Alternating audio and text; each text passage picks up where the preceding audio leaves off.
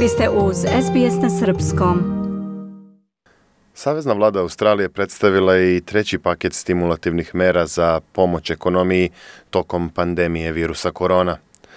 Program subvencija objavljen u ponedeljak popodne predstavlja najveći stimulus za privredu u istoriji Australije, a iznosi čak 130 milijardi dolara. Vlada je novi paket mera nazvala čuvarom radnih mesta, jer bi upravo to i trebalo da predstavlja. Naime, sredstva iz budžeta namenjena su svim preduzećima koja su usled aktuelne zdravstvene krize prestala ili će prestati da posluju kako bi zajedno sa zaposlenima lakše prošli kroz takozvani period hibernacije.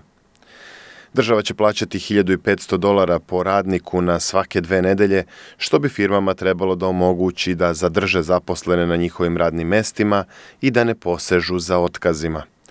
Predstavljajući novi program, državni blagajnik Josh Frydenberg istakao je da će se na taj način omogućiti da australijska ekonomija krene ka stabilizaciji čim opasnost od pandemije prođe. Extraordinary times call for extraordinary measures and this new $1,500 a fortnight job keeper payment will provide job security at a time when it's needed most. Vanredna vremena traže vanredne mere, istakao je Freidenberg dodajući da će 1500 dolara po čoveku na dvonedeljnom nivou osigurati radna mesta u momentu kada je to najvažnije.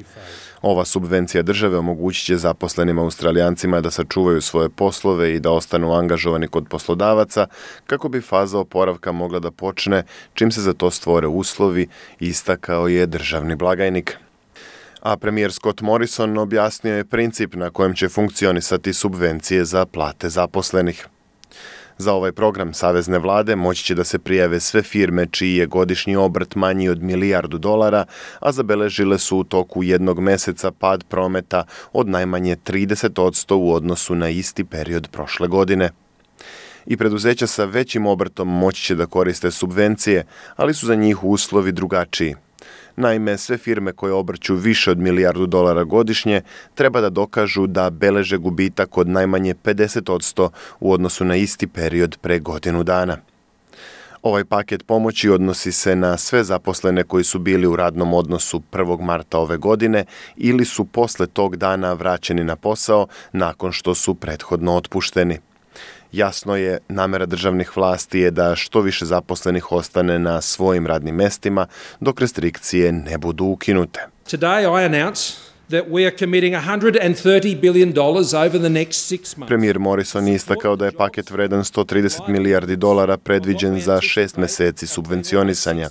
On je takođe izneo očekivanje da bi sredstva iz programa čuva radnog mesta moglo da koristi oko 6 miliona građana Australije. Koliko biznisa je pogođeno aktuelnom situacijom najbolje govori podatak da je u prvih sat vremena od objave novog paketa mera na sajt Savezne vlade stiglo čak 8000 prijava za korišćenje subvencija.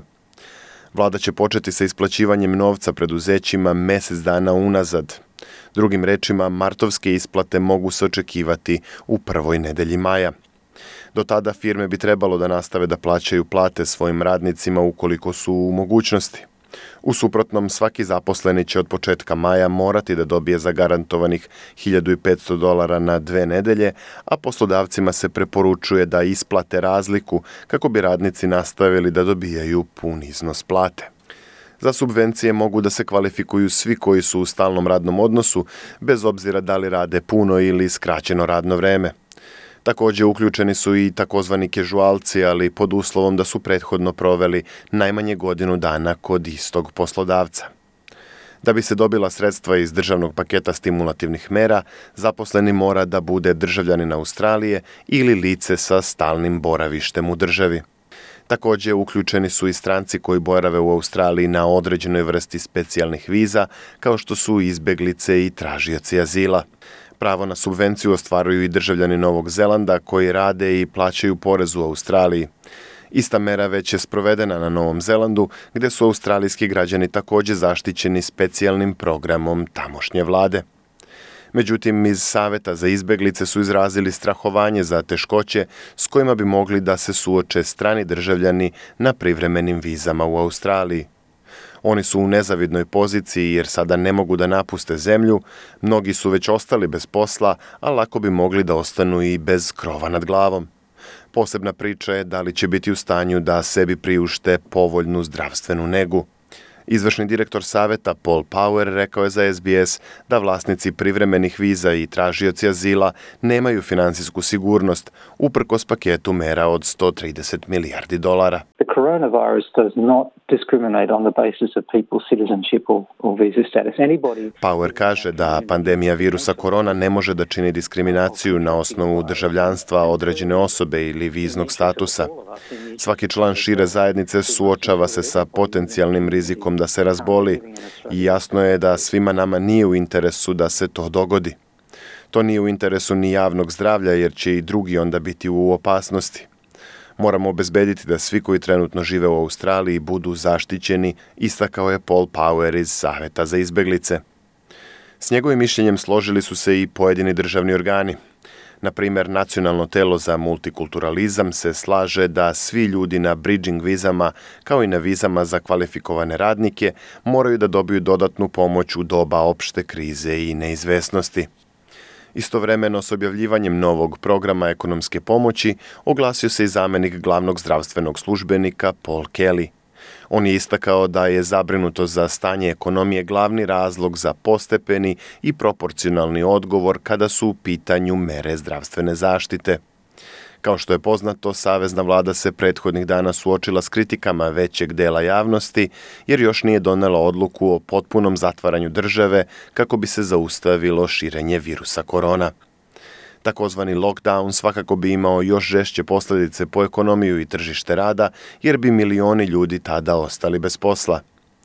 Usporavanje širenja virusa u Australiji govori u prilog postepenom donošenju drastičnih mera, a dr. Kelly kaže da bi psihološke implikacije velikog broja otkaza stvorile značajan zdravstveni problem u državi. It's the main reason why I remain a scalable, uh, proportionate responder, uh, and uh, and that that Kelly kaže da sve to predstavlja razlog zbog kojeg on reaguje postepeno i proporcionalno. Ne smemo zanemariti i poceniti efekte krize po javno zdravlje, ali isto tako nikako se ne sme zanemariti mentalno zdravlje stanovništva. Posledice nezaposlenosti po mentalno zdravlje mogu da budu velike, pogotovo u vremenu kada su ljudi već izolovani u kućama i fizički odvojeni od zajednice, prijatelja i kolega, kazao je Kelly. Dajte like, podelite, komentarišite.